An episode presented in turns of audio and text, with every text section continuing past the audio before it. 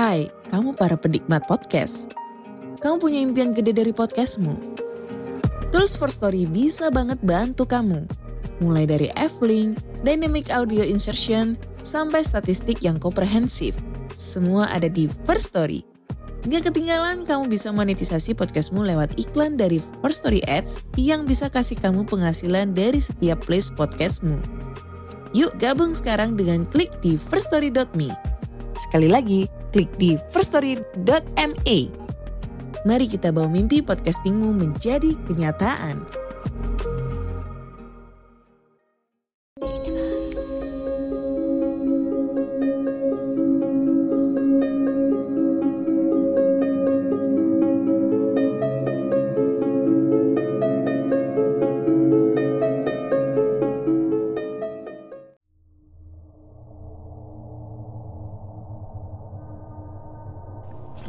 Dan selamat malam. Kembali lagi saya Denny Narator dari Rumah Horor Indonesia Menyapa kalian Sobat RI semuanya. Semoga kalian ada dalam keadaan yang sehat dan berbahagia.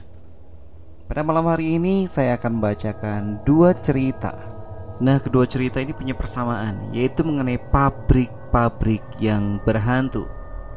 Satunya nanti ada di Amerika dan satunya lagi ada di Indonesia. Dan kita langsung saja menuju cerita yang pertama yaitu Misteri Pabrik Sloss Furnace Sebelum kita mulai lebih jauh, furnace adalah perapian atau tungku perapian. Sloss Furnace adalah sebuah komplek pabrik yang dibangun oleh James Wither Sloss dan terletak di Birmingham, Alabama, USA. Ini berbeda dengan Birmingham City di England atau di Inggris ya. Awalnya di tahun 1882, pabrik ini adalah tempat pengolahan batu bara dan biji besi untuk menghasilkan produk baja. Saking suksesnya pabrik ini sehingga boleh disebut bahwa Sloss Furnace adalah salah satu penopang yang membuat kota Birmingham berkembang pesat saat itu. Saking terkenal akan kebesarannya, maka banyak buruh yang mendaftar untuk bekerja di pabrik ini. Situasi kerja di Sloss Furnace bisa dibilang sangat keras. Para buruh bekerja dikelilingi oleh tungku dan cerobong perapian yang bersuhu sangat-sangat panas. Bahkan ketika musim panas tiba, suhu bahkan bisa mencapai 50 derajat Celcius, yaitu lebih tinggi daripada suhu di padang gurun di waktu siang hari. Hal itu semakin menjadi lebih buruk oleh abu hasil pembakaran yang membuat jarak pandang sangat terbatas. Kondisi lingkungan pabrik yang buruk dan yang sangat berbahaya adalah resiko yang harus diterima oleh para buruh yang kebanyakan adalah imigran gelap dan orang miskin demi memenuhi kebutuhan hidupnya. Dan ternyata dari semua itu, shift malam juga buruk.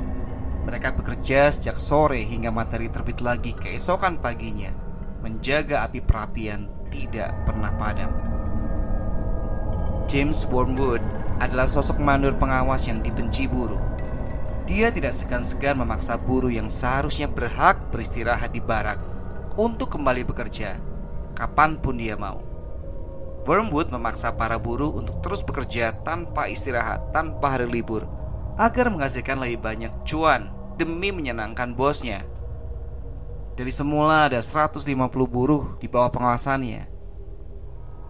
47 orang akhirnya meninggal akibat perlakuannya ini.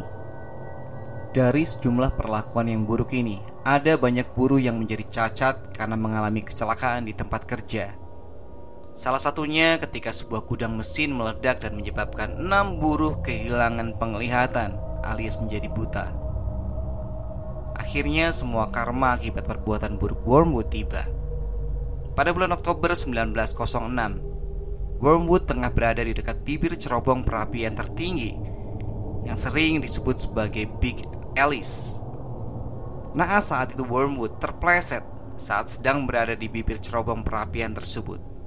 Sebagai akibatnya, dia terjatuh ke dalam lautan baja cair yang super panas, lalu meninggal seketika di tempat mengerikan tersebut. Menurut orang-orang yang di sana, ada yang bilang kalau Wormwood terpleset karena pusing akibat kebanyakan menghirup gas metana hasil pembakaran di cerobong tersebut. Ada juga yang menyatakan kalau Wormwood sebenarnya dipanggil ke atas, kemudian didorong oleh para buruh yang tidak terima akan perlakuannya. Tidak ada yang tahu kejadian yang sesungguhnya, sehingga meninggalkan rumor belaka tentang kematian Wormwood. Semenjak kematian Wormwood, maka berakhir pula shift malam di pabrik tersebut. Selain karena waktu operasional yang berkurang dengan hilangnya shift malam, adanya banyak kecelakaan dan kejadian-kejadian aneh turut menyebabkan produksi dan pendapatan pabrik semakin berkurang. Dan kematian Wormwood juga merupakan awal mula terjadinya hal-hal aneh di Sloss Furnace. Kepolisian Birmingham mencatat banyak laporan tentang fenomena gaib yang terjadi di pabrik tersebut. Mulai dari peluit uap yang berbunyi sendiri sampai munculnya sosok hantu. Selain banyak penampakan, para buruh juga merasakan adanya energi gaib yang pengap dan menekan. Yang paling sering terdengar adalah suara aktivitas pabrik dan langkah kaki yang jika diperiksa tidak ada orangnya. Seorang petugas jaga malam mengaku pernah bertemu dengan hantu Wormwood di tahun 1920. Saat itu ia sedang berkeliling mengawasi pabrik. Tiba-tiba ada yang mendorongnya dari belakang dan menyuruh agar ia kembali bekerja. Saat dicari asal-usul suara tersebut, ternyata tidak ada seorang pun di pabrik di waktu itu. Kejadian agak mirip juga dialami oleh tiga orang supervisor. Saat itu ada tiga orang supervisor berkunjung untuk supervisi pabrik. Saat supervisi berlangsung, tiba-tiba saja ketiga orang ini menghilang. Setelah lama mencari, akhirnya para supervisor ini ditemukan dalam keadaan pingsan. Dan yang lebih aneh lagi, mereka ditemukan terkunci di ruang ketel uap. Dan ketika ditanya bagaimana mereka bisa sampai sana, mereka tidak ingat. Mereka hanya bilang kalau mereka dihampiri oleh sosok lelaki botak dengan luka bakar yang memerintahkan mereka untuk kembali bekerja. Kejadian mengerikan juga dialami oleh Samuel Blumenthal, seorang petugas jaga malam yang bertugas di sana pada tahun 1971. Dia shock karena berhadapan langsung dengan sosok manusia iblis yang mendorongnya hingga jatuh ke tangga. Sebelum jatuh, Samuel sempat melakukan aksi perlawanan, tapi dia malah dipukul jatuh oleh makhluk ini. Saat diperiksa, terdapat beberapa luka bakar parah di sekujur tubuh Samuel. Hal ini sungguh aneh mengingat Sam jatuh dari tangga, tapi lukanya adalah luka bakar. Tragisnya, Sam meninggal sebelum dia sempat balik lagi ke Sloss Furnace. Akibat hasil produksi yang kian berkurang serta rangkaian teror yang terjadi di pabrik Sloss Furnace, pabrik ini akhirnya ditutup pada tahun 1971. Di tahun 1981, tempat ini masuk ke dalam daftar National Historic Landmark atau tonggak sejarah nasional Amerika. Tapi hal ini ternyata tidak menghentikan aktivitas gaib di tempat itu.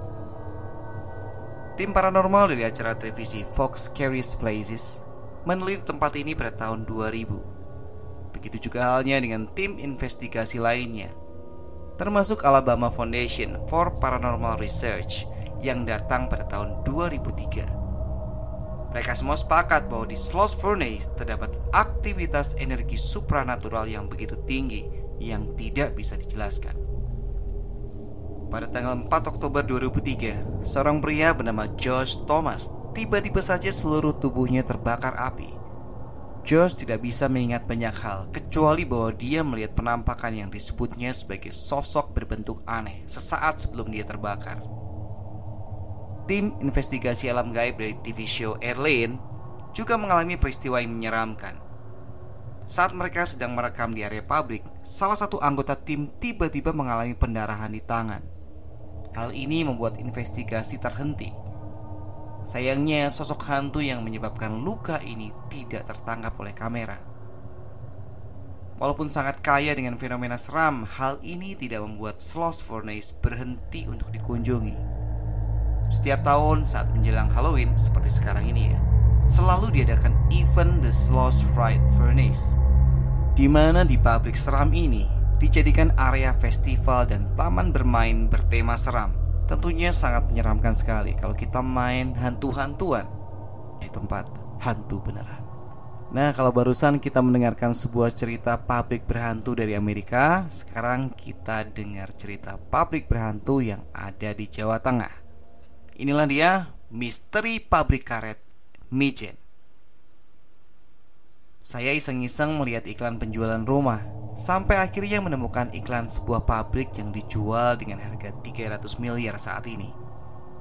Pabrik itu adalah sebuah pabrik bekas laundry di Mijen.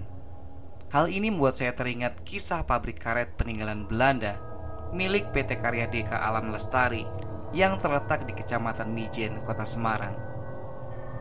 Bangunan ini sudah ada sejak 1928 Kabarnya banyak sekali menyimpan cerita seram.